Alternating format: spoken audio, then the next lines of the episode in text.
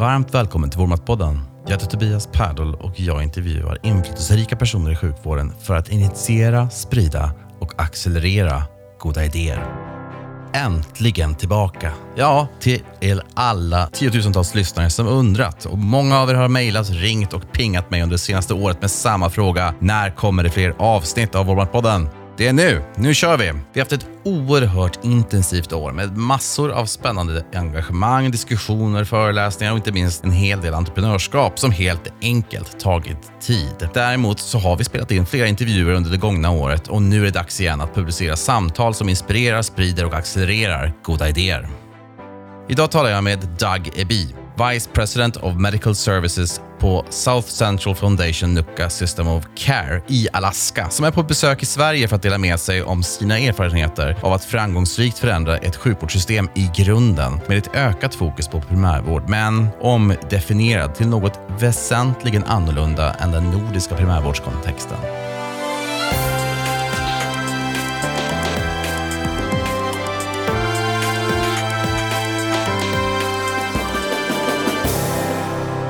Idag talar vi om varför Doug valde att bli allmänläkare och flyttade till Alaska. Om den moderna medicinens utmaningar och vad som händer när man utmanar ett sjukvårdssystem i grunden och hur man lyckas anställa sjukvårdspersonal i extrem glesbygd. Om hur vi ska designa ett system efter den absoluta majoriteten och inte efter sällanhändelser. Samt hur man lyckas vända en rigid sjukvårdskultur. Ja, jag hoppas ni ska gilla det här. Och mycket annat såklart. Warm welcome to the podcast Podden, Dr. Douglas Eby Initially, I was thinking it must have happened before that someone said eBay. Oh, it gets pronounced all kinds of different ways. and if only I owned eBay, I'd be very well off. So I would be happy. I'd be fine with that. If I would invite you for dinner and you were to introduce yourself for a new acquaintance, how would you introduce yourself? Well, I think the thing I'm proudest of is being the husband and father of three children. And uh, the woman I live with has allowed me to be with her for 35 years. So I feel pretty honored about that. And I think that that's some of the most interesting part of my life. Uh, but work wise, I've uh, gotten to work in support of the Alaska Native people for the last 25 years. And that also has been an incredible, amazing opportunity to have. You work as the medical director of the South Central Foundation Nuka System of Care. That's right. So in Alaska, there's um, about 800,000 people, and about 20% are Alaska Native.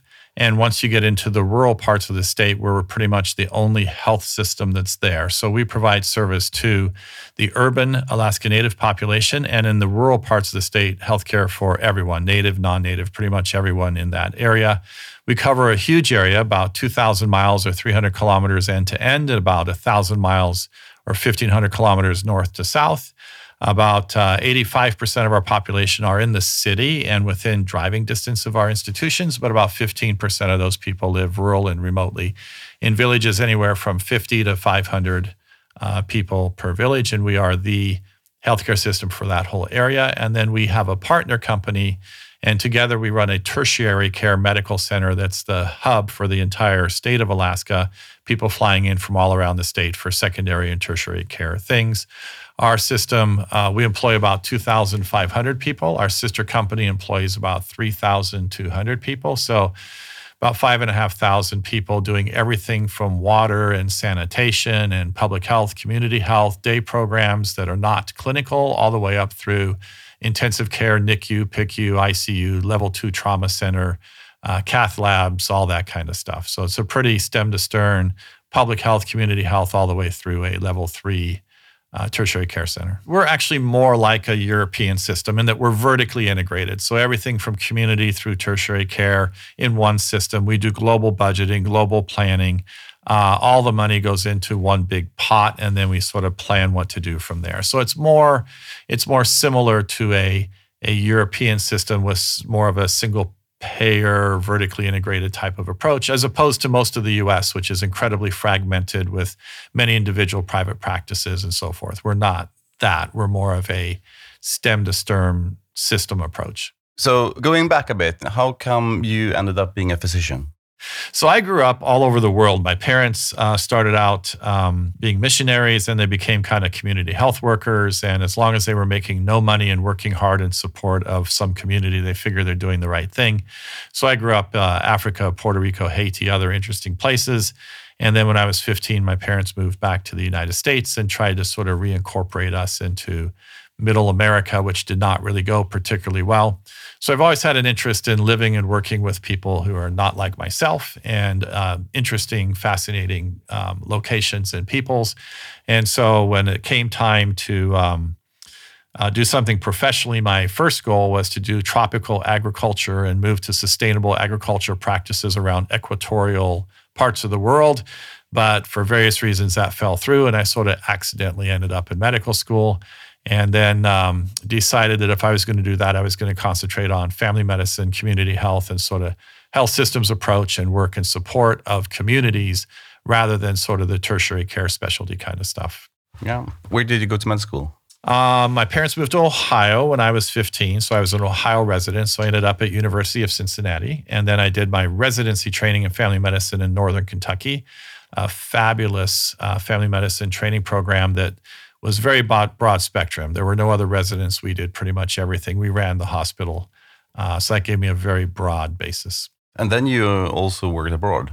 So I like, I grew up out of the country more than in the country. So I like any excuse to go anywhere in the world and do interesting things. So yeah, I've worked and lived in various places in Africa, Central and South America, and try my best to go interesting places as much as I can. I did my master's in public health eventually, then at University of Hawaii, and that led to doing an internship in the Cook Islands and in uh, New Zealand, or Aotearoa as the Maori refer to it. And so I worked for uh, four months with Maori health providers in Aotearoa in New Zealand.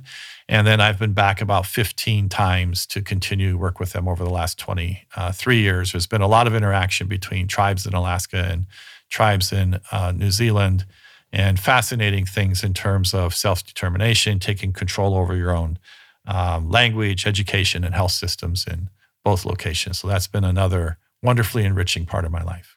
So, how come you ended up in Alaska?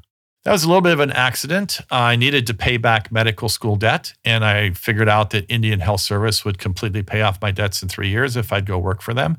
And so I did a little rotation with the Navajo in Arizona, thought I would go there. But Indian Health Service said, uh, We're desperate for doctors in Alaska. How about we send you up there? My wife and I had never been there. So, being really smart, we went for a visit the first week in January. So the sun barely cleared the horizon, came up when sideways went down. We thought that was interesting. three hours after we landed, a volcano erupted and shut down the international airport for three days because of all the particulate matter in the air. We thought that was interesting. And there were two feet of new snow everywhere, which made it just fabulously beautiful. So we thought it was exotic, interesting, and it would pay off my medical school debt. So we gave Alaska a try, expecting to stay three years. And then our plan was to raise our children as citizens of the world in Central or South America. But here I am 29 years later, uh, still working in support of tribes in Alaska uh, because I got um, involved kind of early on with tribal leadership and helping them take over the entire medical system from the government and change it from a federal system to a local community uh, customer owned customer driven system and it's just been an incredible privilege to be allowed to be working in support of them and what they're trying to do with their own people and their own medical system. And your three children, are they still living in Alaska? They come and go, but um, two live in California and one in Boston at the present time. But that's actually the first time in 10 years they've all been in the US. Uh, one daughter lived and worked in Laos for a number of years doing USAID grant management. Our son uh, rode a motorcycle around South America for eight years, pretty much living everywhere and doing online work. He's a computer programmer. And then the youngest one has also done a lot of international work, but she's currently in medical school in Boston. So, pretty much influenced by your work, I guess.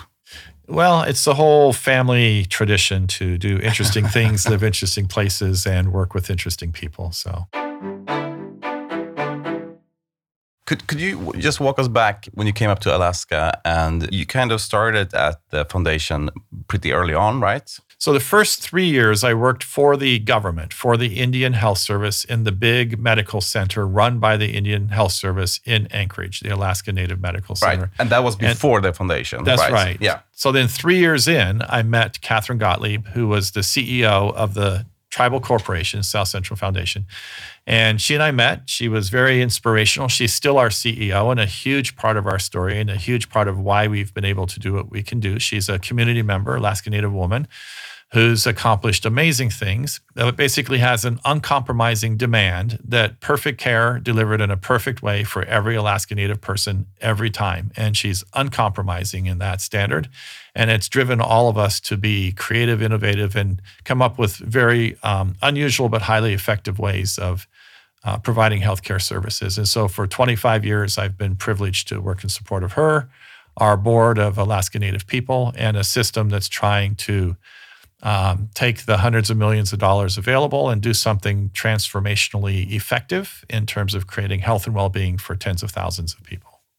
Could you just walk us through what did you do when you started this foundation that was completely different from how it was uh, set up before? Right. So among Alaska Native people, there's a very, very strong um, uh, value of self-determination and controlling your own destiny, and moving away from issues of dependency and passiveness. Uh, there's a long history of outside organizations coming in, and um, you know this is all over the world, colonizing superpowers that come in and and um, subdue indigenous populations, and then do awful things in pursuit of riches and, and power. And that history is true in Alaska. It's less ugly than some other places, but it's certainly not a pretty picture. And so, for the last 30 or 40 years, tribal leaders have said, enough of that. We're going to control our own destiny. And everything we do is going to be driven by the value of people taking ownership of their own lives and driving their own outcomes and their own services at a structural level for their own people whenever possible. Right. And um, um, that mm, entailed that the indigenous people, but also the Alaskans in general, they uh, opted for this new system. They didn't want the old system, right? Well, so in Alaska, the government ran a separate system for the tribal uh, population, but because the tribes in Alaska are almost a quarter of the people, it was it was a sizable system, and we just completely took over all those assets and then redesigned them from the ground up. So the system we run today is about four times bigger than what the federal government ran, but it's based on this premise of customer ownership. So um, modern medicine is a pretty paternalistic, professional centric thing for the most part. And it's pretty true all over the world where modern medicine has become dominant. So, all over Europe, all over uh, the Americas and Southeast Asia, Singapore, places like that, you have the modern medical system that basically believes that the body's made up of many parts and if you can make all the parts each individually work well then somehow the whole the whole person will work well so you have um, diagnosis, lab, x ray, pharmaceuticals, and treatment plans. And then medicine thinks we've done our part. And then it's up to the individual to implement it. And when they fail, we call them non compliant in our paternalistic, judgmental way. And pretty much everything's delivered in an institution and professional centric and convenience sort of way. We turned that on the head, on its head, and said that the people receiving services were, instead of calling them patients, we're now going to use the term customer owner because we believe deeply they own their own health journey. They control the variables. They control whether to take the pills or not take them. They control what they eat, uh, whether they use alcohol, tobacco, and drugs, what their sleep habits are, what, how they exercise, how they handle frustrations and tensions, whether they lash out violently, how they parent, how they are in their most intimate relationships. All of that is under their control. And those are the variables that drive about 90% of the determinants of how well they will live with chronic conditions, whether they get them to begin with and then how well they live with them. And that drives about 70% of the cost in modern medicine. Only about 30% is sort of reactive high acuity stuff like operating room and trauma. About 70% is cost driven by people living with chronic conditions, whether it's congestive heart failure, diabetes, um, HIV, depression, whatever the uh, condition may be. And we believe that that that healthcare divides about one third into a uh, manufacturing model, which is you know anesthesia, surgery, trauma, and about two thirds into a service model where the customer owner is in control of the main determinants, and it's our job to try to influence them to do something better and healthier. And that's the central premise. so modern medicine believes that if we just remove waste and make everything more highly reliable and apply Six Sigma and such things, that we will get miraculously better health. It's not true. That works very well when the patient or the customer owner is passive. It works well in operating rooms and trauma, in places where the person's passive, intensive care units, when they're on ventilator, when you're putting a cast or a splint on something that's broken. But when it comes to making the changes necessary to live well with aging and debility and, and um, fragility and congestive heart failure, COPD, diabetes, uh, asthma, all of these things. The power is in the hands of the patient or the customer owner. Therefore, our skill set needs to be the ability to influence them. And our skill set needs to be then around partnering, education, cheerleading, supporting, mentoring, coaching, more than labs, x rays, pills, and diagnosis and treatment plans. And that's the fundamental premise of what we've done is taken our assets, our people, and retrained them to be partnering influencers rather than mandating diagnosticians and treatment planners. So, uh, how? I mean, that that, that sounds fantastic uh, in many ways. Uh, I'm just really, really curious. How did you manage to change uh, yeah. the culture? Well, before we get to the change, let me just establish that it works. So we now run this system. We our population is a high risk population, and they started in the bottom fifth percentile for pretty much every health outcome you could measure. Right, and for those for the listeners, could you just explain a bit about why is it a, challenging uh, situation then? Right. So our population mostly have moved from villages to the city. Uh, they tend to not have a lot of formal education. Uh, so issues of um, unemployment and uh, dislocation of family fabric. There's a long history of uh, epidemics sweeping through Alaska, killing large numbers of people who didn't have any immunity because they're imported diseases. So, between disease and paternalism of government and other outside institutions that come in, and then the passivity that results in unemployment and poor educational attainment and so forth. So, all the social complexities and social determinants of health we have in very high levels. And so as a result, the clinical outcomes of Alaska Native people when we started 25 years ago were in the bottom fifth percentile pretty much uniformly. And now, 20 years later of this effort, um, pretty much all our clinical outcomes are in the top 25th percentile, nationally benchmarked, a lot of them in the top 10th percentile. So, dramatically better clinical outcomes, very high screening rates, immunization rates, and those kind of things. Um, we also do it at about half of the per capita spend of the rest of Alaska, about 60% of the per capita spend compared to national benchmarks. We should be double or triple more expensive because of the high risk, but instead we cost half as much. So we've radically, dramatically reduced cost, producing way better outcomes. And then the happiness factor of people using the system and staff in the system are also very high. Our staff turnover rates are one half the industry standard, and our longevity of staff is very high. So, happier people, both sides of the equation, better outcomes at lower cost. It's kind of what people have been looking for in healthcare and modern medicine. And we do it not by directly addressing those, but by making fundamental changes in the system to make it actually work for those living with long term chronic conditions. One of the statistics is true pretty much in every developed country in the world is that 5 to 10% of the population drives 50% of the costs. And our system is its most effective with the most fragile and complicated of individuals. Uh, and how is, is, it, is it more effective? Right. So the way we do it is by establishing um, effective, personal, trusting, long term relationships. So we think the two fundamental premises of our system is the idea of customer ownership, they're in control, and deeply effective messy personal human relationships. So if you buy the premise that they are controlling the variables, then the way we add value, so this is a value proposition in business terms. The way you add value in healthcare with chronic conditions is by the person who encounters us doing something different after they encountered us. If we just give them a diagnosis and some pills and a treatment plan, nothing has really changed until they do something with that. Medicine thinks that once we've done our part, we're finished. But the reality is, if we haven't convinced them to do their part, we've actually not added value.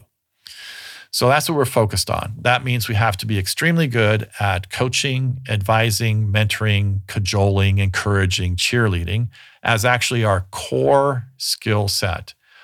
And medical people are not trained in that very well. You do a little bit on the side, but you're really trained to be diagnosticians, lab x-ray and pharmaceutical ordering people, creating health plan health plans to give people, and then they either comply or they don't comply. We think that's not it. The, the core thing is getting them to do something different. So we have to then own retraining all of our staff in those skills and abilities. I don't know about you, but I did not get into medical school based on my ability to influence people. I got into medical school by sitting alone in a room memorizing crap to put on a test to get high grades to get into medical school. Yeah, sure. Which means by definition, I'm the people we put in all of our clinical professions, whether it's pharmacy, um, nursing, doctors, whatever, we're selecting the wrong people for chronic condition management because we're we're selecting academically smart people, and the people who were good at influencing were down the street at the pub, influencing each other, not sitting alone in a room preparing for test taking. So by definition, we have an improperly skilled workforce. Now, if you're talking about operating rooms, fine. Modern medical miracles, we're good at that stuff, but we're lousy at this business of uh, chronic condition management over time, which drives 70% of what we spend now as a society on medical care. So we have to retool all of our professionals, retrain them, give them new skill sets, and then figure out how to bring in other people who have particularly good skill sets at this business of coaching, mentoring, and so forth. So, structurally, what we've done, the first thing we did a little over 20 years ago was take the existing medical model and the first thing we did, well, the first thing we did was listen intensely to the community. So as soon as we took it over, we did a very showy process of listening. So we did uh, focus groups, we did tens of thousands of surveys, we did a couple thousand one on one interviews and made sure everyone knew. Very splashy, showy process because we wanted to establish that we were going to be consumer driven, community driven in our design. So by the end of those four months, we compiled all of those into what we called the requirements for an ideal health system from the view of the consumer. Those eventually became our operational principles. And for the last 20 years, every decision we make in the company is made based on whether it aligns with the principles or does not align with the principles. If it aligns, we do it. If it doesn't align, we don't do it. That allows everyone, frontline staff, board of directors, community members, to propose changes, to drive changes, to own the way the system is set up. And it makes us in management essentially unassailable because we just say we're doing the will of the people, which is actually true. So that was our first step. What that resulted in was people saying they wanted to quit having to tell their health history and their story over and over and over. They wanted to quit being treated as guinea pigs people were learning on, or people who were just passive and told what to do in a paternalistic way. So the first thing we did was to take all our primary care providers and create panels. So, relationship, these people connected to this provider. And then we needed to do um, same day access because if you're going to be in relationship, you have to remove barriers to relationship. So, all barriers, time, place, attitude, language, cost, approach, all need to be removed. So, for 20 years, you've had an integrated care team headed by a primary care provider that you're guaranteed same day access to all day, every day, five days a week in any way you want text, email, phone, video, or in person. Guaranteed for 20 years. And then we told all these teams, we'll give you the support people you need to do whatever you need to do. And we're going to turn you loose to do it in whatever way you think is best. You must follow the principles. You must follow the philosophy and you have to produce the outcomes. But otherwise, you have extreme flexibility in how you organize your day, how you get your work done. You have to do same day access, you have to do relationship, you have to produce outcomes. And what's resulted 20 years later is interesting. It turns out that these primary care teams only see seven, eight, or nine people in person each day. Seven or nine. Seven to nine. Yeah. As opposed to an international standard of 25 to 30 in primary care. And then they have another 15 to 20 people that they've had phone calls or video chats with. So in real time connection. And then another 30 or 40 people on top of that, they've had asynchronous interactions with. So text or email. So if you take that all together, it turns out they connect with 30 to 70 people per day, usually 50, 60 people per day. About half of them have been asynchronous interactions, text and email. Of the remainder half, about two thirds of those have been virtual, meaning video or phone. And then just, you know, 15 or 20% of the volume is actually in the clinic in-person visits. Right. This is all managed by a integrated care team. So it's a primary care provider, case manager, medical assistants, and then the secret sauce for us, something called a case management support. So these are very high-end admin assistant people who are handling all the phone traffic and video and so forth interactions, and then connecting up to the different clinical people that need to be connected to.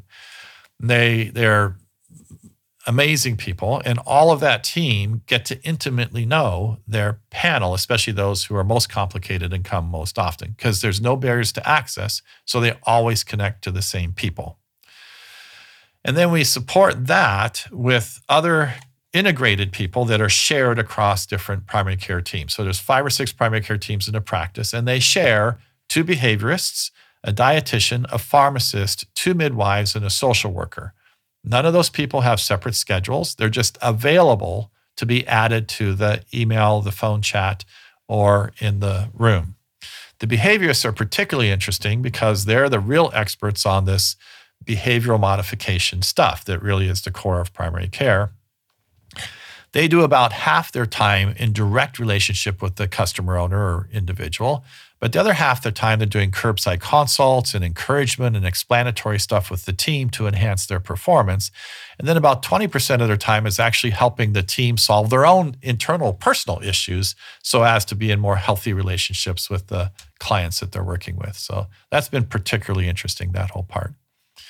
Then there's another layer. So we did that for about 10 years, wildly successful, much better outcomes, much lower cost, happier people.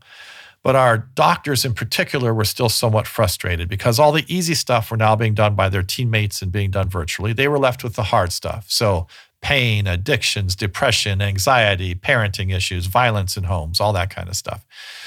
And um, so, after lots of experimentation, we ended up co locating a lot of specialists right in primary care. So, we drew other people into the primary care space. So, pretty much all our psychiatrists are now located in the primary care clinics. They have separate schedules, but it turns out by putting them in proximity, about half of their load could be transferred back to primary care. Because if I'm primary care, I'll handle something psychiatric if there's a psychiatrist sitting right beside me to help me when I get insecure.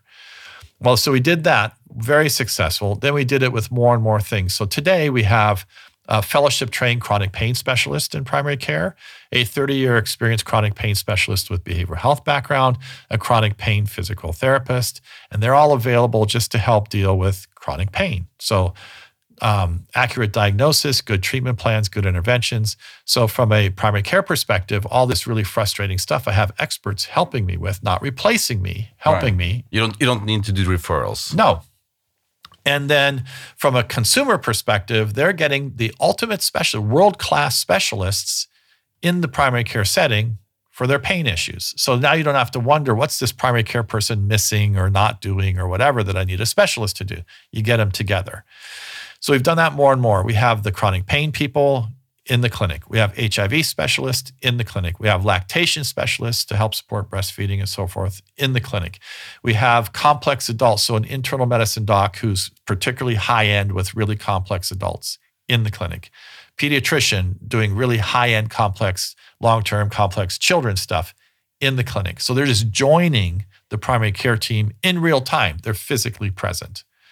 And then we've retrained, those are all in the clinic. The other thing we did was uh, about two years ago, we decertified our home health agency and made them all home visiting extenders of primary care. So they also sit in primary care and then go do visits in the home as extenders. And now you don't have to meet all the crazy criteria. It's just because either the elder, the family member, or the primary care team thought it might be useful. We've tripled our home visits since taking that approach and reduced further by 30% our 30 day readmission rates, especially for frail elders. Wildly successful. And then we've trained all of the destination specialists to instead become supportive consultants. So they've not moved into primary care, but so in other offices, there's a cardiologist, a neurologist, a pulmonologist, the ENT, and so forth.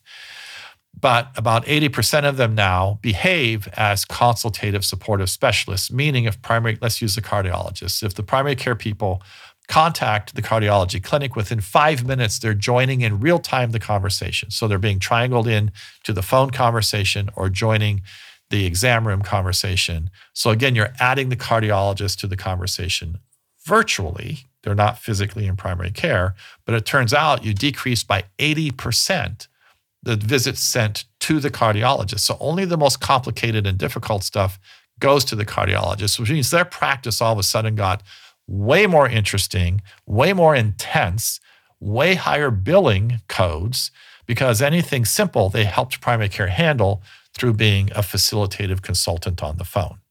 And we tried to retrain all the specialists. We're about two thirds successful. There's still a few who I call destination specialists, which say, you will work them up in this way, then you will send them to me in my holy tower of importance, and then I will tell you what to do and send them back to you.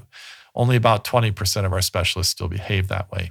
So, this is why specialty visits are down 60%, but all of our outcomes around really complex stuff are dramatically, dramatically improved. So, we've essentially redesigned the entire system around the convenience of the customer owner and their partners, their companions, their lifelong coaches that you call primary care. Right. Uh, uh you told me before also. I mean, let, us go back to, to, to, to, the figures. I mean, you, you reduced like ER visits and admittances uh, a lot by doing this. ER visits and hospital admissions are down 50%. Yeah, 50%. 50% yeah. from where we started. And then the um, 30 day readmission rate when we changed how we did our follow up. So the transition, the discharge transition is now managed. So one of my dreams is that all discharges from the hospital will become pull discharges rather than push discharges. Right. Right now they're push discharges. The hospital pushes them out. Discharges should be handled by the receiving side. They should be pulled out of the hospital by primary care. Small p, small c primary care can be set up lots of different ways. So the receiving side should manage the discharge process and be in the home or whatever setting, assisted living or whatever, within hours of discharge, partnering with the home environment to optimize what happens in the transition. So all discharges. So in my perfect world, the primary care platform never leaves the person. So while they're admitted to the hospital, I do believe in hospitalists and ho- intensive hospital care, and I don't think primary care should be doing that. But while they're hospitalized, primary care should be present, helping explain to the patient and the family what's going on and helping planning for discharge.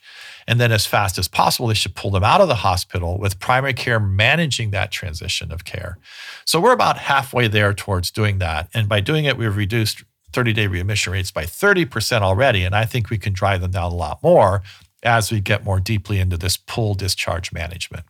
That make sense? Yeah, definitely. Now, I'm coming from an emergency department background, so uh, what you're talking about now sounds like music. I mean, it's fantastic. So, uh, in our emergency room, the intensity factor, so the the, the complexity, intensity, yeah. high acuity, yeah. has exponentially increased because we've pulled off yeah. all the low intensity stuff and prevented a lot by by creating high intensity capable outpatient care. So ER's gotten better. It's way more interesting. The ER docs are not doing all the boring stuff that clog up most of the ERs. And there more beds, I guess. There's more beds.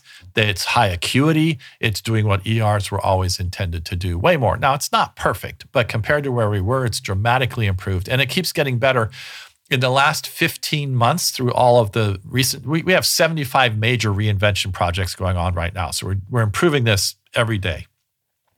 In the last 15 months i've driven down the number of people from primary care per capita that go to the er by another 15% and the complexity people the people with high complexity multiple visits have dropped by 20% their use of the er again just in the you know on top of that original baseline by just deepening and deepening this ability to handle complicated things in primary care. So, especially around pain and addictions and depression and psychiatric illnesses and so forth. Personality disorders. Exactly. Those are much more amenable to this. And if you haven't figured it out yet, this is super capable primary care. This is not usual primary care. Right. This is like triple intensity primary care. And more resources. Way more, re- well, Yes and no. So people tell me, Doug, you have an unaffordably expensive primary care system. And I say, well, we are about triple the usual cost in personnel. So, yes, our panel sizes are half the sort of international average. And we have so per team, there are about 1,000 patients. There's about 1,200 local, right, right. and then another 200 or so village. So every primary care team has villages as well. So it's about somewhere between 12 and 1400 but those are people equivalents because we adjust based on complexity so if i'm a primary care provider with a lot of really elderly, complicated people, I might actually have 900 people, yeah. but it's 1,200 equivalents. If I'm a younger physician with a younger, healthier population, a lot of single young people, young families, I may have 1,400 people, but the, the average is about 11 or 1,200. And that's a, a complexity um, uh, adjusted right. um, number. And at any given time, half of our primary care um, practices are closed, the fullest ones and the ones that are the bottom half in terms of uh, complexity number are open. So to choose, you can change. If you're unhappy, you can change primary care providers. If you change many times, we're going to sit down and have a conversation because it's disruptive to change, change, change. But you can change several times with no counter pushback from us. And so half our panels are open at any given time. Half our panels are women providers, half are men providers, um, half are young, half are old. It's just partly by accident, partly by design. So there's a lot of variety uh, for people to uh, choose from. And your goal is to keep people loyal to you because new people take a lot more work than people you've been working with for 10, 15, 20 years. And you're incented to keep the complex people because they might be worth three people. And if you lose them, you might get five new people instead of the one person you already know and have under pretty good um, management. So it's all a very sophisticated uh, approach. So we're ex- very expensive in terms of personnel, although I will say that a lot of these people existed in the system. So the dietitians were in health ed, now they're in primary care. The pharmacists were in the pharmacy, now they're in primary care. The chronic pain people were running a separate clinic, now they're in primary care. The, the pure ad were the behaviorists. We have many, many behaviorists, and these are short term cognitive behavioral therapy behaviorists. These are not co located psychotherapists, and there's a whole conversation there. They were a pure ad. But in terms of total budget, it's high cost on personnel, but low total cost. Right. Because if you order 30% less labs and 30% less radiology and 40% less pharmaceuticals and make 60% less specialty referrals, total cost driven out of primary care is very low. So I will claim we are an inexpensive primary care system but expensive when you look at the personnel list. Right. No, but but that's a very good and important point because and also argument because normally in most healthcare systems you don't count those uh, external costs when you look at primary healthcare, for instance, or for then for any healthcare system actually because all normally pharmaceuticals th- those costs are typically kind of yeah but how external. ignorant is that? Come on those are generated by primary care. They're writing the prescriptions. they're ordering the test. Primary care created those costs they should be in the primary care bucket. So, total cost generated by primary care, we are inexpensive. But personnel list, we look very expensive. Right. But again, a lot of that got moved from somewhere else in the system into primary care. So I would say we are, in truth, about double the cost in direct budget for primary care people because our panel sizes are smaller. That's the main reason. And then we've added some people that are just pure ads, like the behaviorists and some of the chronic pain and that kind of stuff. But a lot of the people have just been relocated from somewhere else in the system into primary care. That's not additional cost, that's relocated right. cost. Now, uh, in, not only in Sweden, but uh, in modern medicine countries in general, there is a huge problem with polypharmacy. Mm. And I mean, terrible. Working at the in the ER, it's normal to see patients with like 20, 30 and how many do they really take every day? Uh, that is a good question. Uh, and also, uh, the patients or the customer owners, not in our system, but they are all often older than 80 years. That's right. So, my one of my favorite stories is Fred. He's 85. He has uh, congestive heart failure, COPD, so he's got lung problems because he smoked tobacco for years and years. And he's got diabetes and he's got congestive heart failure. His wife died three years ago, and his wife kind of organized and ran his life. So he's also depressed and he's a little dependent. Okay, so that's Fred. In the usual medical system, He sees a cardiologist, he sees a pulmonologist, he sees a diabetologist, he sees a physical therapist, he sees a um, uh, psychiatrist or a mental health counselor because he's depressed. So he has like seven different specialty providers, each one working off of a best practices protocol, optimizing their performance and their clinical acumen. But he ends up with seven different care plans delivered by seven different clinical offices, and he's on 26 medications because they each order two or three meds. Who's the integrator? Fred. How's he doing with that? horribly because he's passive dependent. His wife is gone and he's depressed. So the odds of him taking those 26 different medications correctly is zero. And when you sit down with Fred and you actually talk to him, he only takes a, yeah, like this pill, this one makes me feel better. I don't like this pill. Or this one I take because it helps me for a few days, but I don't like the side effects. When I feel better, then I quit taking it. Then when I feel worse, I start taking it again. I mean, this happens all the time if you actually get people to be honest about their what they're really doing with all those pills. They have their own logic. Okay, so the only effectiveness factor here is Fred and what he actually does, not what the clinicians prescribed or put in their nice little protocols. So in our system, we would say that Fred's primary diagnoses are isolation, dependency, and depression, not congestive heart failure, diabetes, and COPD. Those are secondary. And until we figure out how to resolve his dependency, isolation, and depression, the rest of it is almost irrelevant. Now you have to keep him alive, not unless his congestive heart failure go too crazy. So we're going to start with Fred by eliminating all those visits to all those specialists and handling it all in primary care and us owning the conversations with the specialists. We're going to talk to Fred about which of these medications he's really taking and which ones actually keep him alive from dying. We're going to start with probably five, and then we'll add maybe a couple here and there, depending on how our conversations with Fred go. We're going to put him in our day program for elders, which decreases social isolation. We're going to get him to volunteer to help do work in that elder program so it gives him meaning and sense of purpose. Maybe we'll get him to volunteer even in other community organizations. We're going to have both clinical and non clinical people going into his home and working with him. And then Fred's going to end up on one third the medications, massively improved clinical outcomes, and quit going to the ER. He used to go to the ER every six weeks or so. He'd have a bag packed by the door because he'd call 911 yeah. when he can't breathe yeah. and go to the ER. Yeah, he knows the routine.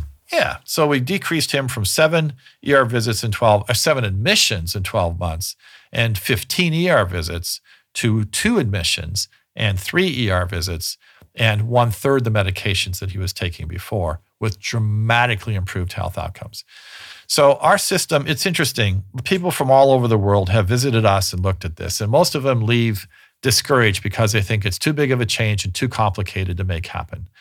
Singapore is a fascinating place. They go all over the world. They know everything about every health system in the world. They visited them all. And then they decide which ones they're going to incorporate. For us, when they found us about seven, eight years ago, they got all excited and they decided we were going to be the model they used. And it is. If you go to Singapore now, you go to their polyclinics, which is where all complicated people get their care. Some people go to private practitioners, but as soon as they're complicated, they get sent to the polyclinic. Polyclinic has the specialists.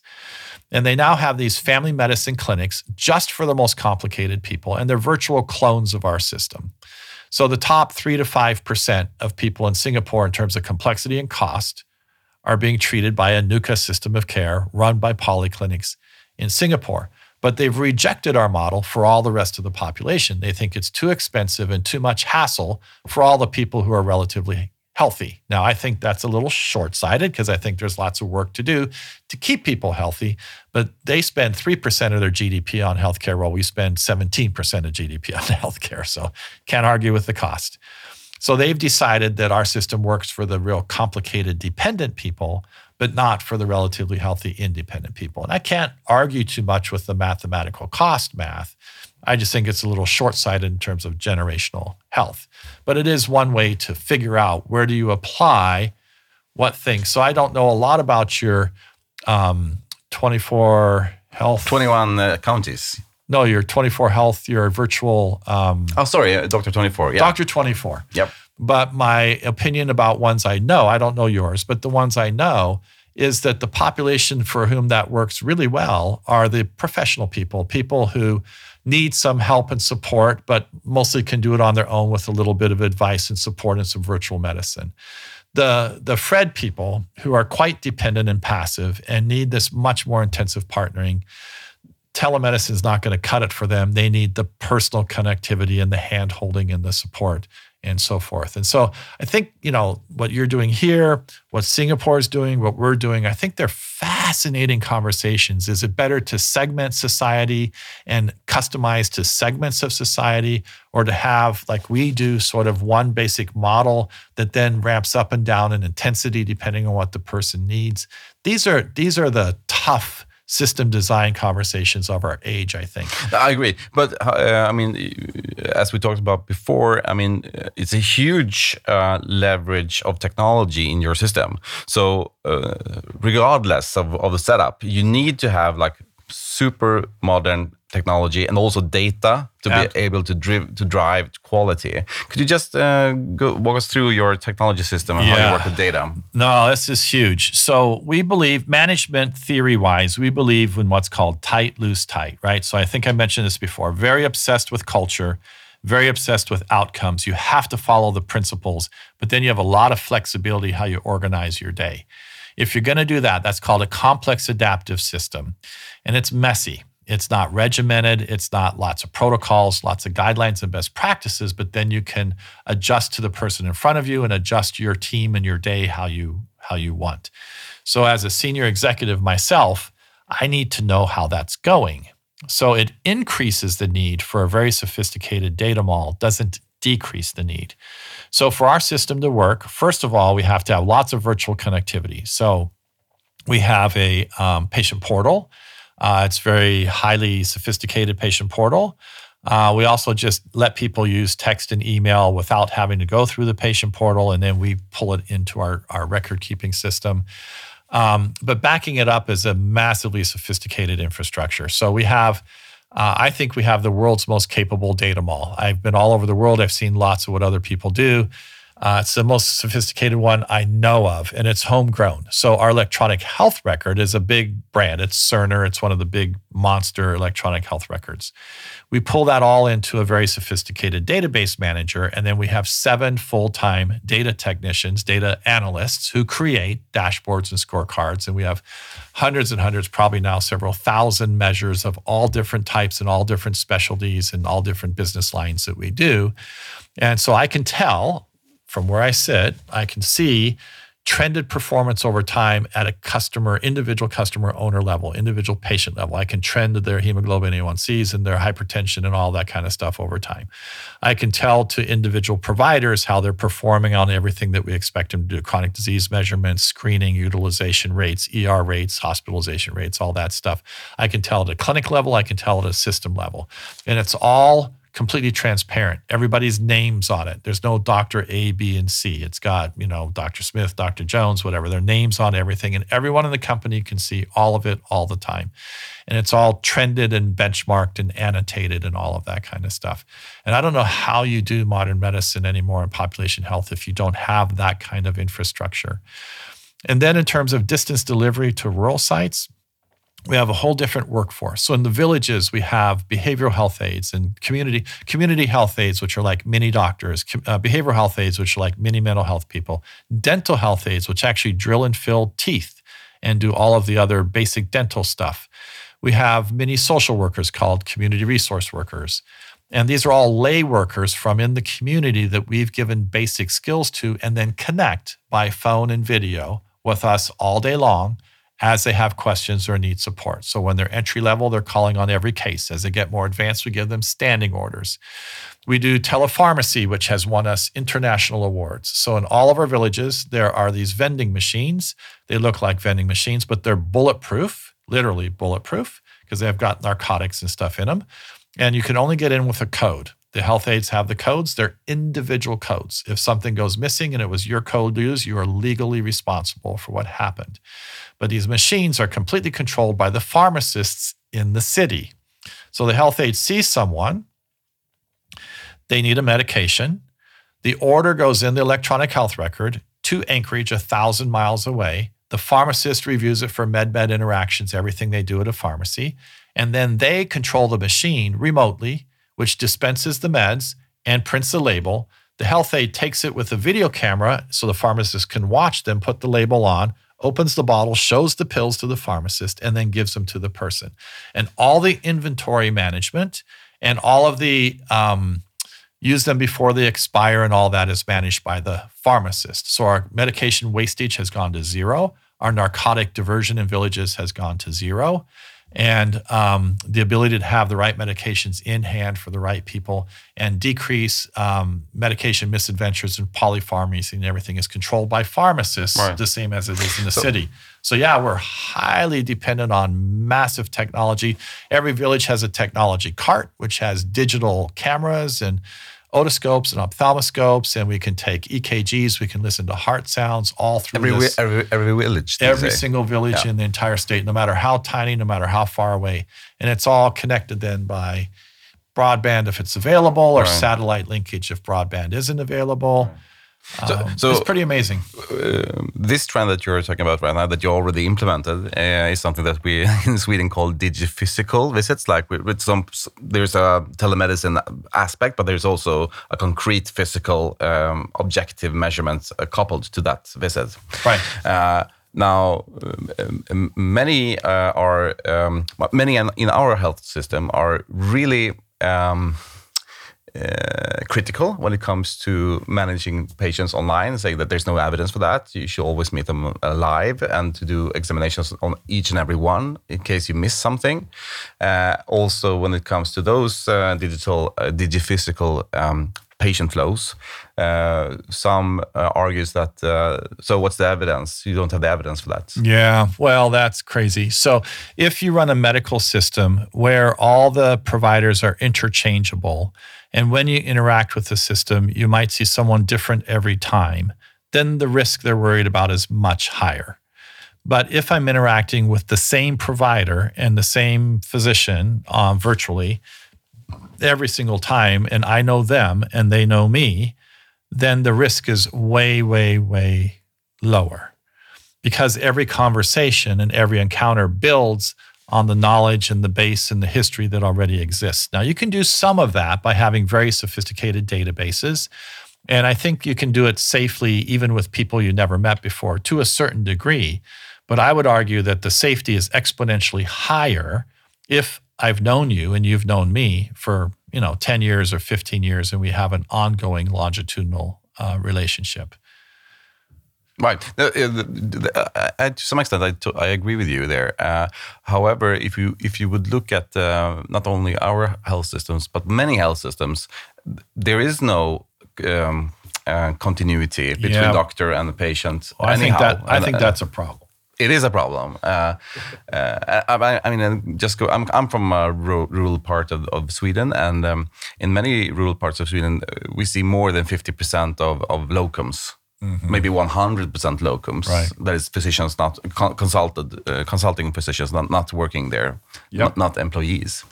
So uh, rural rural service de- rural medical delivery is a huge problem all over the world. I went to a conference in northern Canada maybe six months ago, and I listened to the speakers all morning complain about the lack of physicians in rural northern Canada.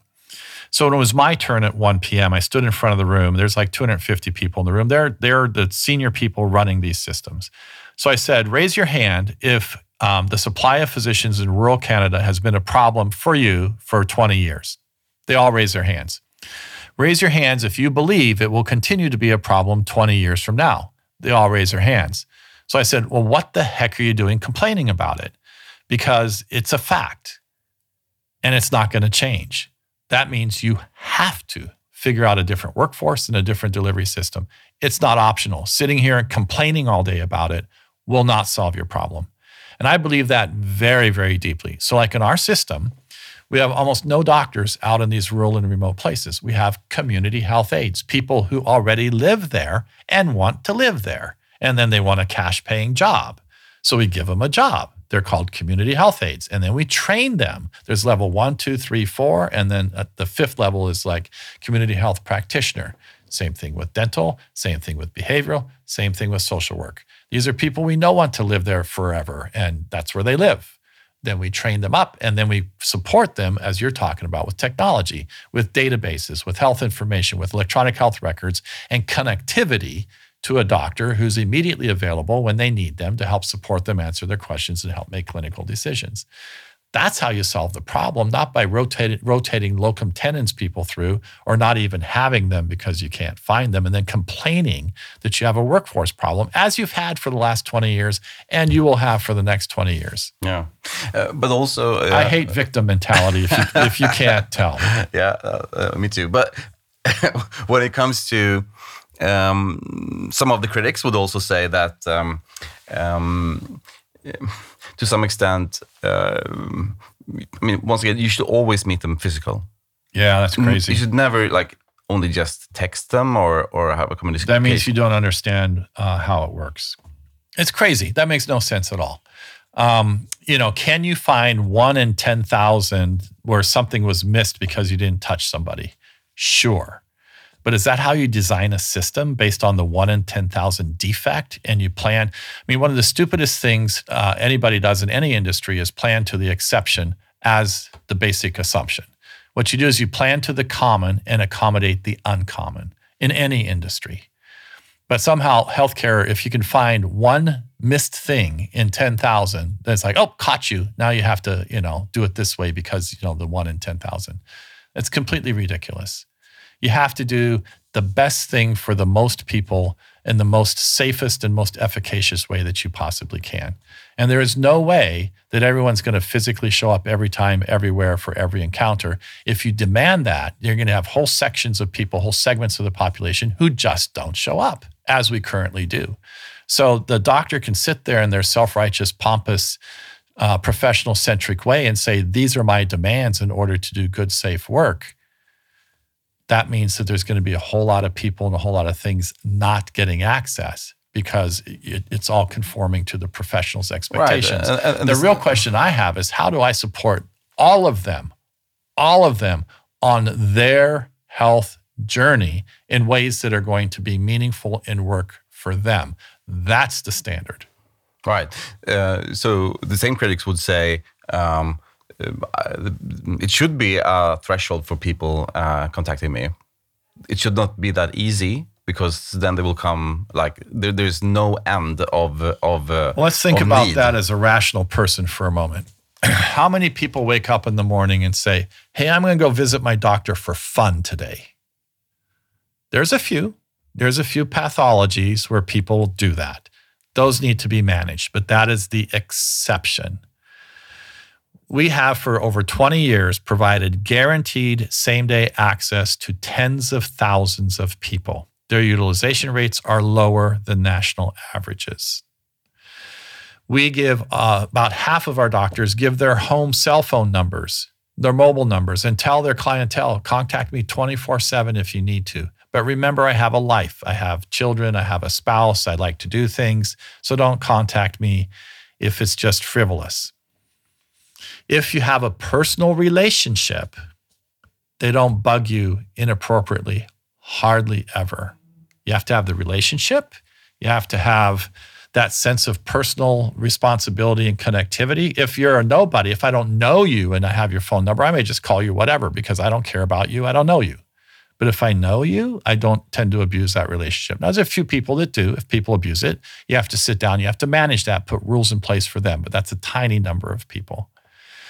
People don't voluntarily overutilize the medical system except for us making that happen. It, we make it happen. We make them extremely dependent on us, which is bad. And we make it hard to get in. So people call and make appointments just to hold the appointment because they might need it because they feel a little bit bad today. Whereas if they know they can get in, then they don't have to have an appointment held just in case they need it right? So if you guarantee same day access and you do phone, email, text, and so forth, then people quit abusing the system and demanding all kinds of extra access because they don't feel like they're in a desperate state to try to need that access. Does that make sense? No, definitely. I, I totally agree. So, yeah, you. when you break it open and all of a sudden you do same day access for about three months, it gets overused because people are used to trying to get in and desperate to get in and holding the place. But once they know they can trust they get in when they want to get in, Yeah. it goes away. I mean, uh, normally in these discussions, I mean, uh, in, in Sweden, it's, it's not uncommon that you have to wait for six, so sometimes eight months to get a planned scheduled time with your physician. Right. That's two months away. Right. And if you avoid, if you open that up overnight, you will have massive demand. Of course, availability is so low that uh, Right. you have all, you you have built up this need that is Right. not taken care of. So That's of course right. that will happen. We have trained them to misbehave Yeah, or they show up in the ER all the time and it's very expensive. and dumb and bad care Yeah. for most things. When So- you need an ER, you need an ER, but you shouldn't go to an ER except when you need an ER. No, I get this. That's how we were. 25 years ago, we were bad. It was weeks or months to get a, a routine, just what you described. It took forever to get in. People showed up in the emergency room for everything because they couldn't get in anywhere else. But once we, tran it took about six months to change the whole system. And then it took another six months for people, the, the population, to learn how to play in the new system. But after about a year's time, they, they figured it out. And in our system, there's no copay, there's no out of pocket expense for anybody. So there's no financial barrier to overuse. There's no time barrier to overuse. You're guaranteed same day access for anything you want. And yet our utilization rates are well below national averages because people know they can trust to get access whenever they need it for whatever they need. Right. We changed the whole game. So um, there was no challenge uh, in uh, changing the culture. Okay. Um, of course, there was massive challenge in changing the culture. Huge challenge in changing the culture. I mean, it could go on for hours and hours just talking about just that part. Uh, one example I'll give you is um, when we first did this, the first thing we did was impanel people. So people chose a primary care provider. We made the default be for the whole extended family to have the same primary care provider. And then if the individual wanted to opt out, they could opt out. Um, so we impaneled everyone uh, moved to same day access. It took us about um, six months to fully convert from long waits to same day access. That was very painful 10 and 12 hour days, day after day after day. We canceled all leave for an entire staff for four months' time. Painful transition, but we managed, we talked to them, we managed it all. We set out a written plan, we set targets, we told people how it would how it would feel and so forth. Managed it very well. But it was very painful, no question. And then the thing we needed was huge amount of case management and care coordination. So we wanted to do that with nurses, at least at the beginning. So I needed like 25 case managers, and I had three. And I had no extra money. But I looked at the personnel list, and it turns out we employed lots of nurses. We had seven nurse managers running clinics, and we had 17 nurses doing targeted specialty stuff three immunization nurses, three diabetes nurses, two congestive heart failure nurses, two HIV nurses. So overnight, one week's time, I eliminated all those jobs, just gone, and said the only job we have for nurses in our system is whole person comprehensive primary care case management, period. How popular was that? Very. not very popular. All of a sudden, all these career nurses that were managers had to go back to doing clinical stuff and case management, which they needed some remediation. And the woman who was running the immunization program literally hated my guts for the next 10 years until she required. But it turns out she was a very good nurse case manager. She just hated me because I took away her little empire.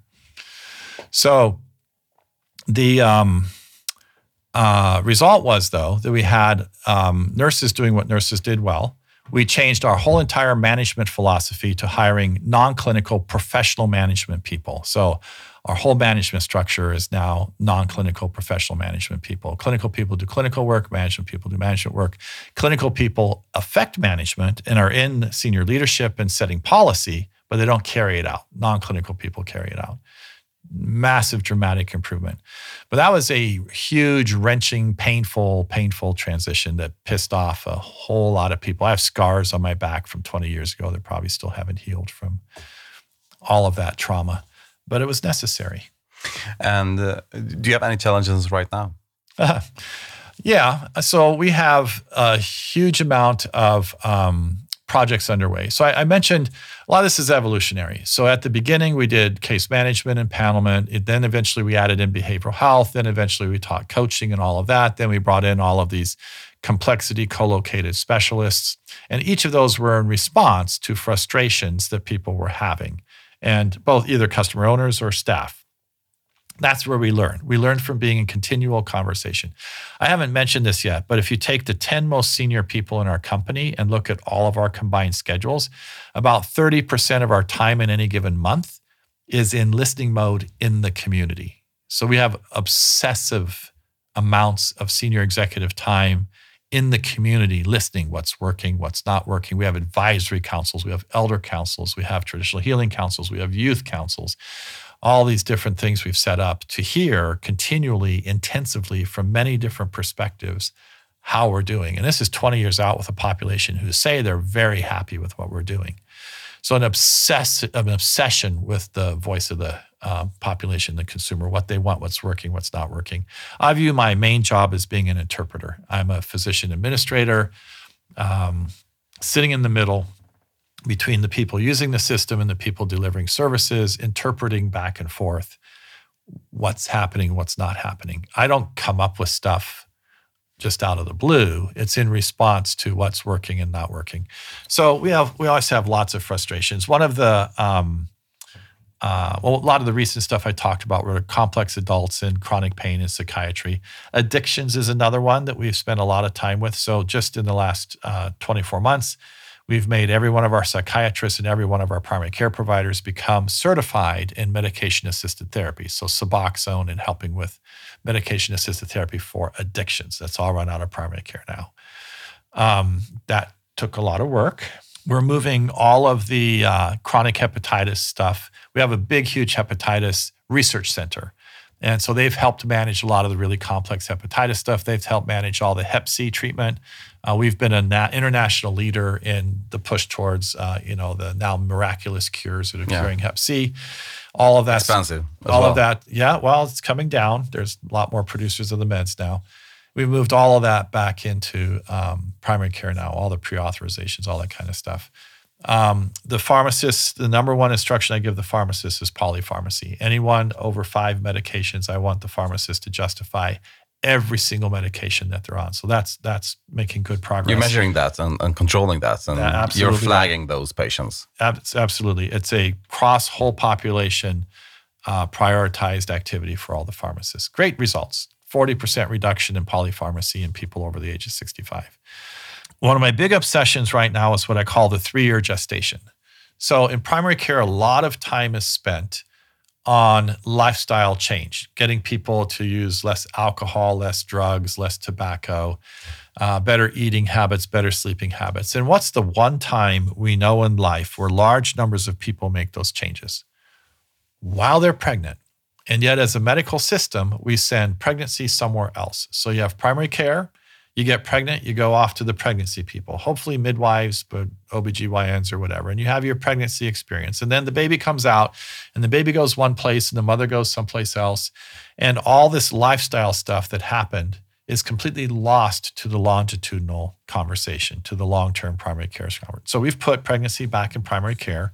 I've declared gestation to be a three year event. So three months preconception, nine months in utero, and 24 months post utero. There's a huge amount of research in the last five years to show that epigenetic modifiers are being permanently laid down in newborn babies from birth to two years of age.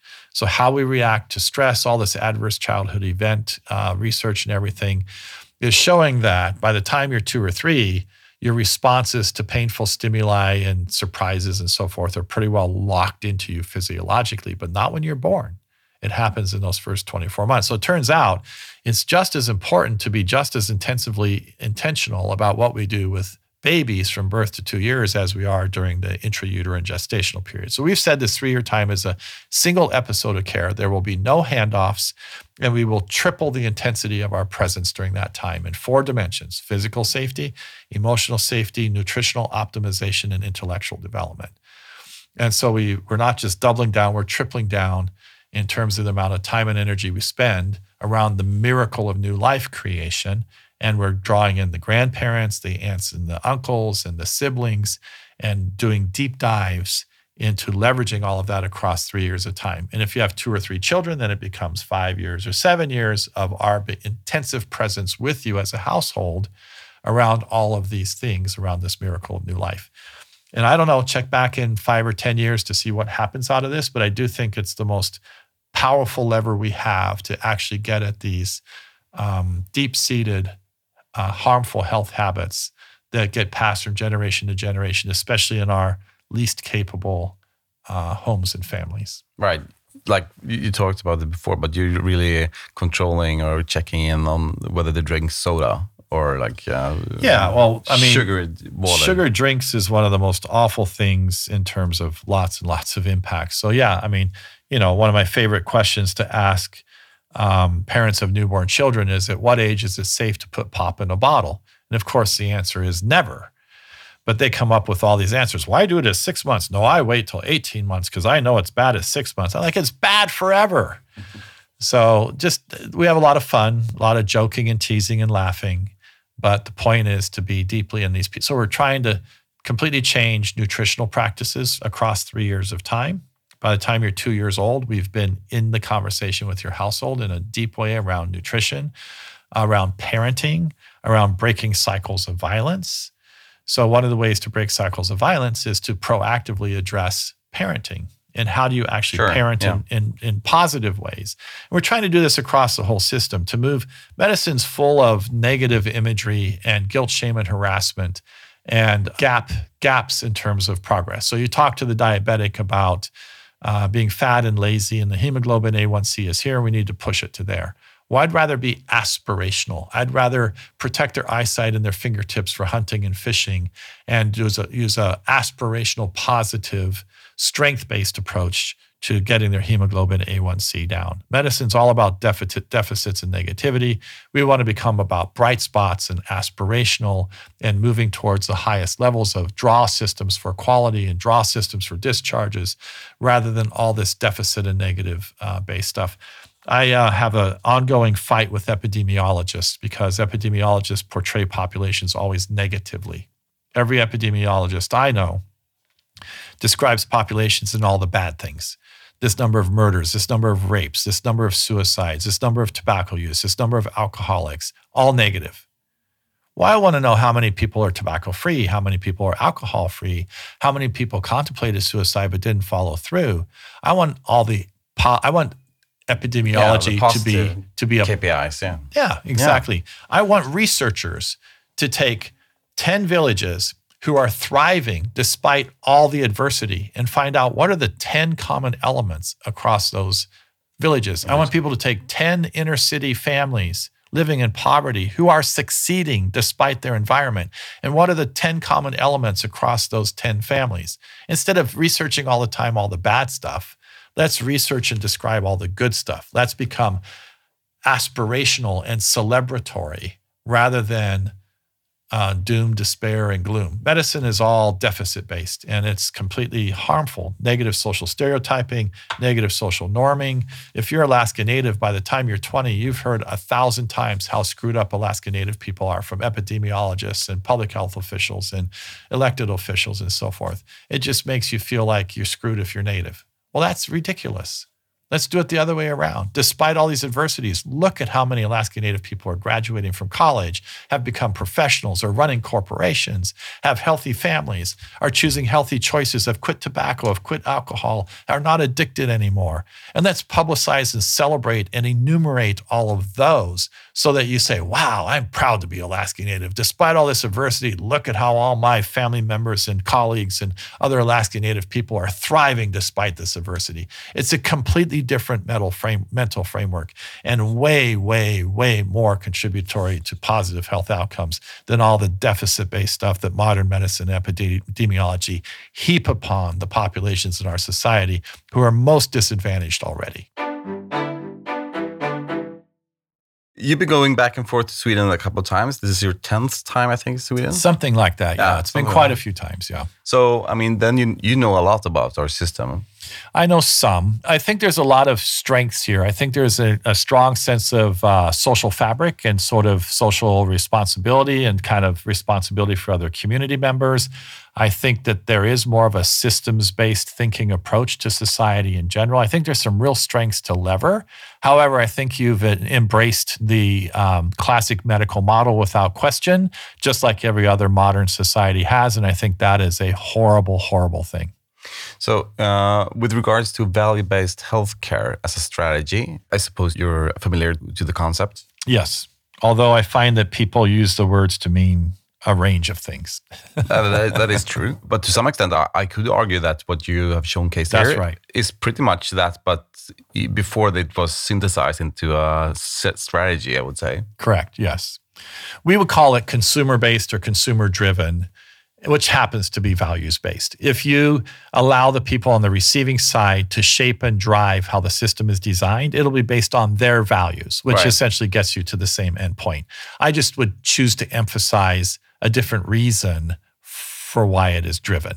It's not because of embracing values, it's because of making the system be driven by the people for whom it exists. Right. Gets you to the same endpoint. But I think the the construct is important. Yeah, focus on the outcomes that's that matters to the patients, right? Uh, uh, and of, of course, uh, in, um, in, in correlation to the costs. I mean, absolutely right. But it turns out, I mean, this has been proven over and over and over in all kinds of research. It turns out when you have fully informed consumers making healthcare decisions, that they will statistically choose less expensive options than the professionals choose for them.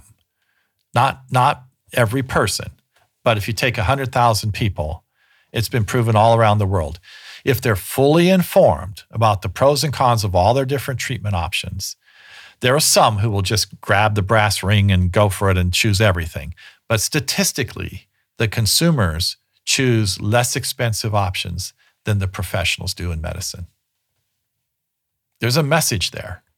It is the professional centric approach to modern medicine has done lots of bad things. It's made bad, negativistic epidemiology and framing, guilt, shame, and harassment as tools, but it's made us create facilities and programs that are professionally driven, designed around the convenience and needs of the professional. People come yeah, to the culture, our, right? Yeah, yeah they yeah. come to our holy institutions on our holy terms and do things the way we tell them that we need to have them done. And there's this, you know, I, you know starting 20 years ago that people started using the words patient centered or patient centered medical home. I hate the word patient centered because it usually means we put the patient in the middle and talk about them and what we think they want. Yeah, I agree. I'd rather say patient driven or consumer driven, where they actually control the power and the decision making. Right.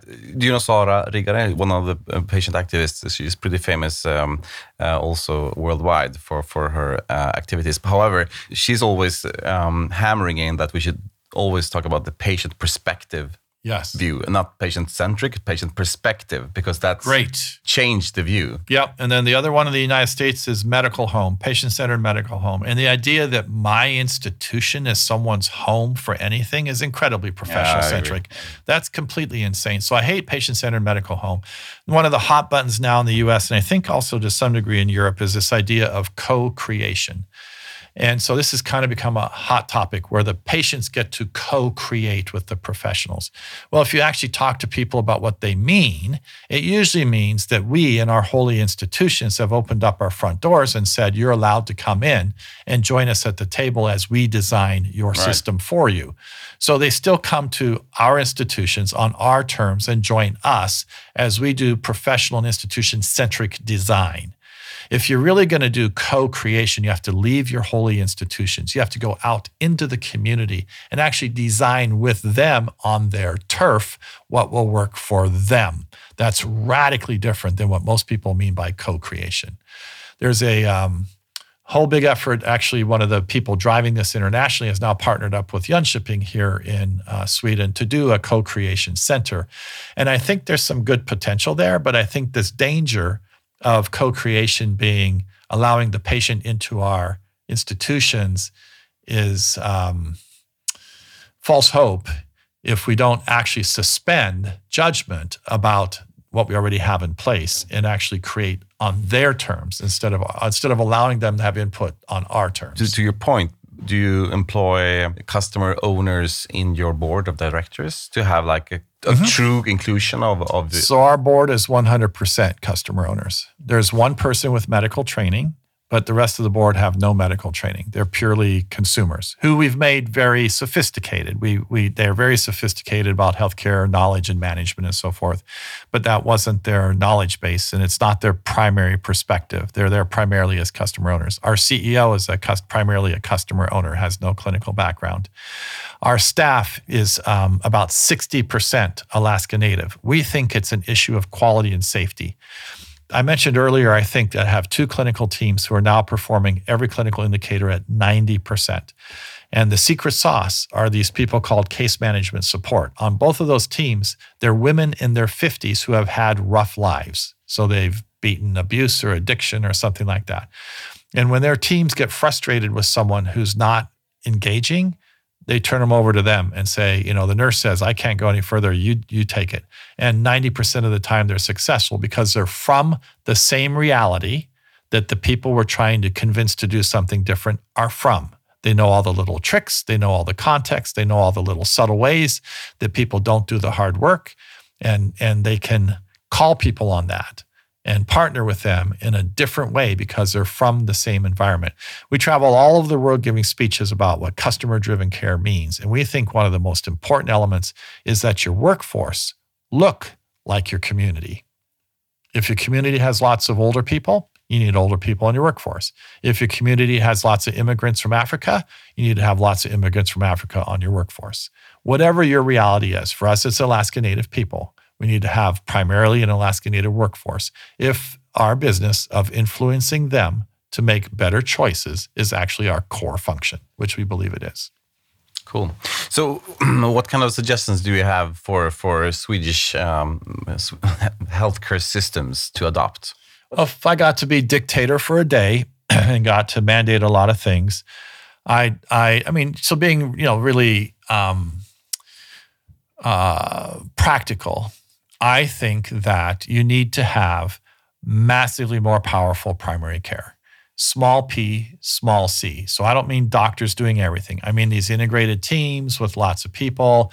I think that as a as a um, approach at a national level to create some models, like you know two or three places where you really develop something like we've done, where you create this triple the intensity of human workforce, driving down the costs, secondary costs that are generated, and have some proof of concept, and then spread that nationally. You need triple the effectiveness in primary care. You need to have super powerful primary care that is a companion with people as they walk and journey through life, bringing to them the resources that they need and partnering and shared responsibility around the hard conversations. That's the big thing. That means putting behavioral health in primary care. That means bringing things like addictions and pain and so forth capability to primary care. It means panel sizes small enough to be in deep relationship. It means guaranteed same day access by any methodology that the consumer chooses. It means doing asynchronous interactions. I told you 50% is now asynchronous, another 30% is synchronous but virtual, and only 20% is in person. Personal, long term, relationships based in a very sophisticated package. So if I got to be the dictator of Sweden, I would spend the next 10 years creating massively powerful primary care. So, some finishing questions. What do you know about healthcare that you wished more people would know? Um, I think the truth. So when I give speeches, the one diagram I have this diagram called a control diagram, and it's got zero to 100% on the left axis, and there's two variables: the patient or the customer owner and the family, and the healthcare system. And the one thing I wish I could get through to everyone is this idea that I've hammered pretty hard that uh, for two thirds of what happens in modern medicine, the customer owner, of the patient is actually in control of the decisions that are driving the cost and the outcomes. And therefore, the skill set we need to build is the ability to influence and partner with people. That's the core truth uh, to all of this. When were you surprised uh, by something that you noticed in healthcare lately? That's a good question. I guess. Um, I guess I was surprised lately by how much progress you can make on addictions without high intensity residential facilities. And I think there's been some interesting looking backwards research. So, um, starting maybe five years ago in the US, there were these studies that came out that looked backwards at the Vietnam War. And for the first time in history that we knew, something like 70 or 80% of the people in the Vietnam War were using addictive substances, primarily heroin. Pretty much everybody's using heroin, like 70, 80%, to the point of being addicted when they were in war. But when they came home, only 5 to 10% of those people remained addicted by two or three years later. And the difference in between were not massive therapy programs it was a change in context. They went from a um, horrible experience in a war environment back home where they had loving family and friends and they had employment and they had education and they had meaning in their life. And they were able to kick one of the most addictive drugs in history, supposedly, heroin, without medical help. And that to me, I think, is um, powerful, powerful, powerful. And so, the whole business of medicalizing addictions and you you have to have residential institutional treatment facilities in order to beat addictions is probably true for some segment of the population, but the vast majority of people, if given the right opportunity for education, employment, aspiration, positive aspirational things in their lives, along with some outpatient medication assisted right. therapy and so forth, you can actually reverse 80% of the opioid and heroin epidemic if you can actually do those things. But a big part of that that I said was things like education, employment, meaning that are not directly under health systems control. But recognizing that and then partnering with families and, and other other community other strings of the fabric of the community. Right, social context. Social context, but, but connecting to those with intentionality and making them part of your prescribed treatment program for addictions rather than you must go to detox and then you must go to a residential treatment facility. For some people, that is exactly what they need. But for a lot of people, they can kick it, they can do something different but it it means not just medicalizing the intervention. So I think that's been a, a pleasantly surprising thing for me to become much more aware of than I had to. We're getting way more deeply into the whole addictions business than we used to be in our institution. Yeah, and because it, it's in primary healthcare now. It's yeah, it's a huge issue. Especially it's not a referral uh, instance or referral level. Exactly right. And the whole opioid epidemic thing has made it uh, much more uh, necessary. Is there an innovation that you uh, know and that you hope to be implemented worldwide? Well, as we've hit several times, I think that um, distance delivery and telemedicine and use of technology has huge, huge, huge potential. I think it's limited if it's in the hands of discontinuity. So if every telemedicine encounter is a separate standalone event, I think it's more dangerous than if it's not. If it's and I think it's less uh, effective and less likely to drive down costs. But if you take that and put it in the context of longitudinal relationship and partnering over time, I think it becomes extremely powerful. So I think, you know, if I look at what's happened in us and I would wish it could happen worldwide, it would be that we would understand that our role in medicine is to weave ourselves into the tapestry of their lives and that that means through smartphones and email and text mean, 50% of our primary care encounters per day are asynchronous, brief encounters, text and email, as part of a longitudinal framework of relationship. I would wish for that to happen everywhere in the world. It would transform everything because now instead of coming to us for a visit, an institutional centric, you must take off of work, you must find a babysitter, you must take transportation, you must disrupt your life in this massively major way to have any interaction with us, or we won't allow you to interact with us. That's a massive arrogance and drives away probably two thirds of the effective interactions we could be having. So this thing is, I must see them, I must touch them, is massive professional centric arrogance. Is there someone that you think I should interview in this podcast? Uh, sounds like you're already talking a lot to um, expert patients, patients who have thought thoughtfully about things. I, I just think the more you can't do too much of that. I think getting deeply into story with people who have interacted extensively with the healthcare system and the ones who are thoughtful and analytic and perceptive about their experiences are of course the ones i mean ones who are pure emotion. You can learn from them but it takes more translating. And the ones who you mentioned a couple people who have been fabulous. I just think um, you can't overdo the voice of the consumer, and especially ones who are perceptive and thoughtful about their experiences and have had intensive experiences. But you don't want only the super intense experiences, you want the medium experiences uh, as well. So I would just encourage you more and more and more, um, you know, expert patient. Patient perspective. Patient perspective. We're, we're. A, we're a consumer industry, really. We're a service industry. And I, I can't hit that hard enough. We're one third manufacturing, operating rooms, anesthesia, emergency rooms to some degree, trauma situations. When the patient is passive and we do things to them, then we are in a manufacturing environment. As soon as the patient is active and has a voice in what's going on, then we are in a service industry environment. And our approach needs to be very, very different in each of those. And modern medicine doesn't believe that. They think Six Sigma, lean, Toyota production systems, and high reliability science are the answer to everything in healthcare. And I think those are wonderful tools for the 30% that's manufacturing.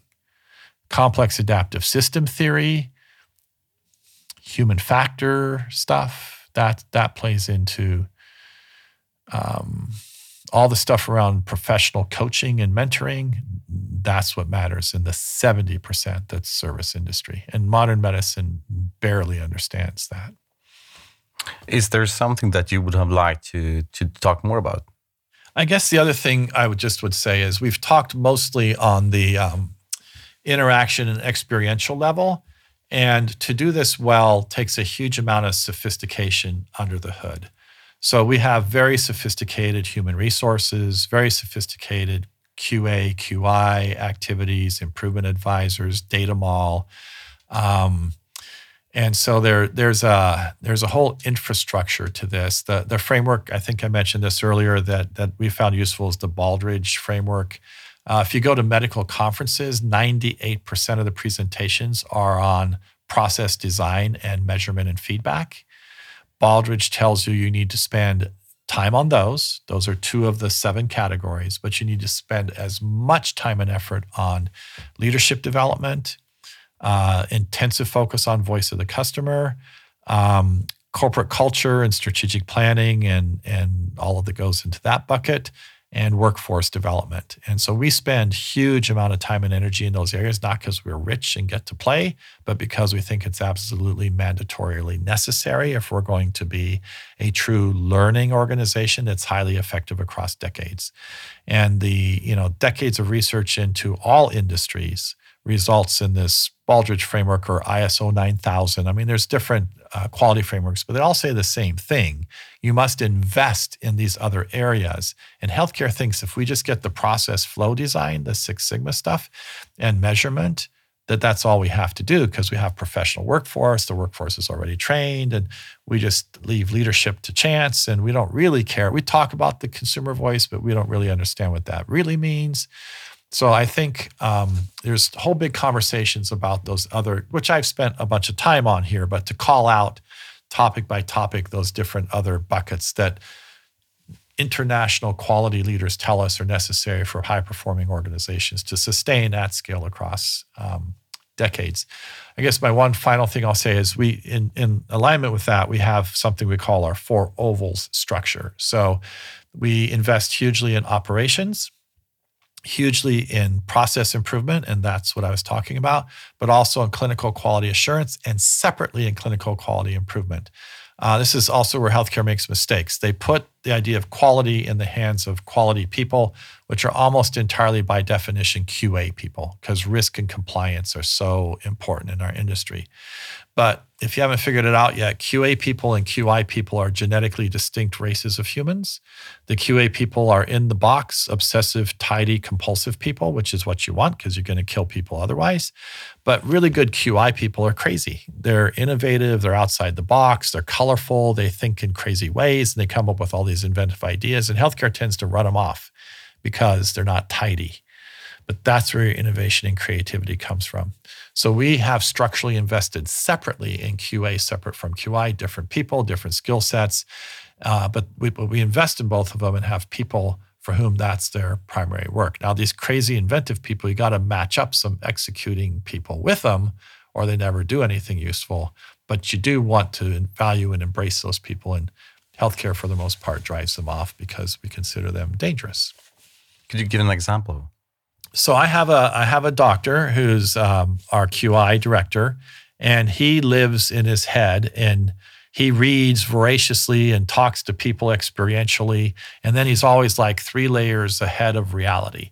And I hate for him to go out in public and talk to people about what we're doing because he's often talking about things he wish would happen rather than things that are actually happening. But he's an incredible resource for innovation and creativity and driving change. And I want him. He's the one who works extensively with our data mall and our data analysis system and prioritizing where we should measure, what we should look at, and how we can use technology to interact with the population in really different ways. But I don't give him any operational power because he'd drive everybody completely nuts and destroy the system in 30 days.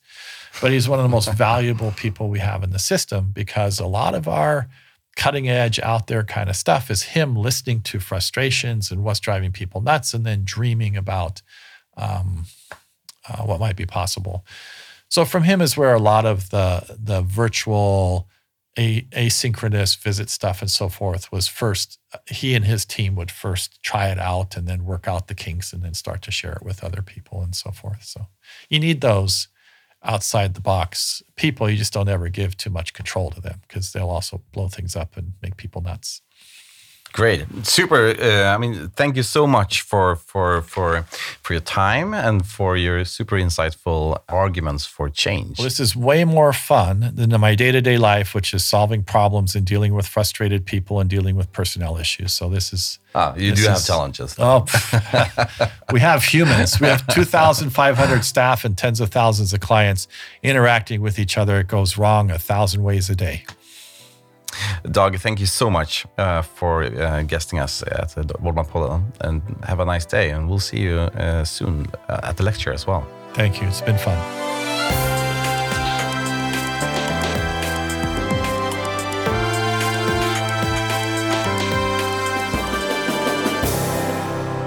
Jag hoppas att ni tyckte att samtalet med Dag Eby var intressant och inspirerande. Så dela gärna med dig om vad du tycker och tänker på Dagens Medicin. Vårdmaktpoddens Facebook-sida på Twitter eller LinkedIn. I nästa avsnitt så talar jag med Torbjörn Kronander, grundare och VD på Sectra och jag hoppas du vill lyssna på oss. För det börjar med ett samtal, sen är det upp till dig och mig.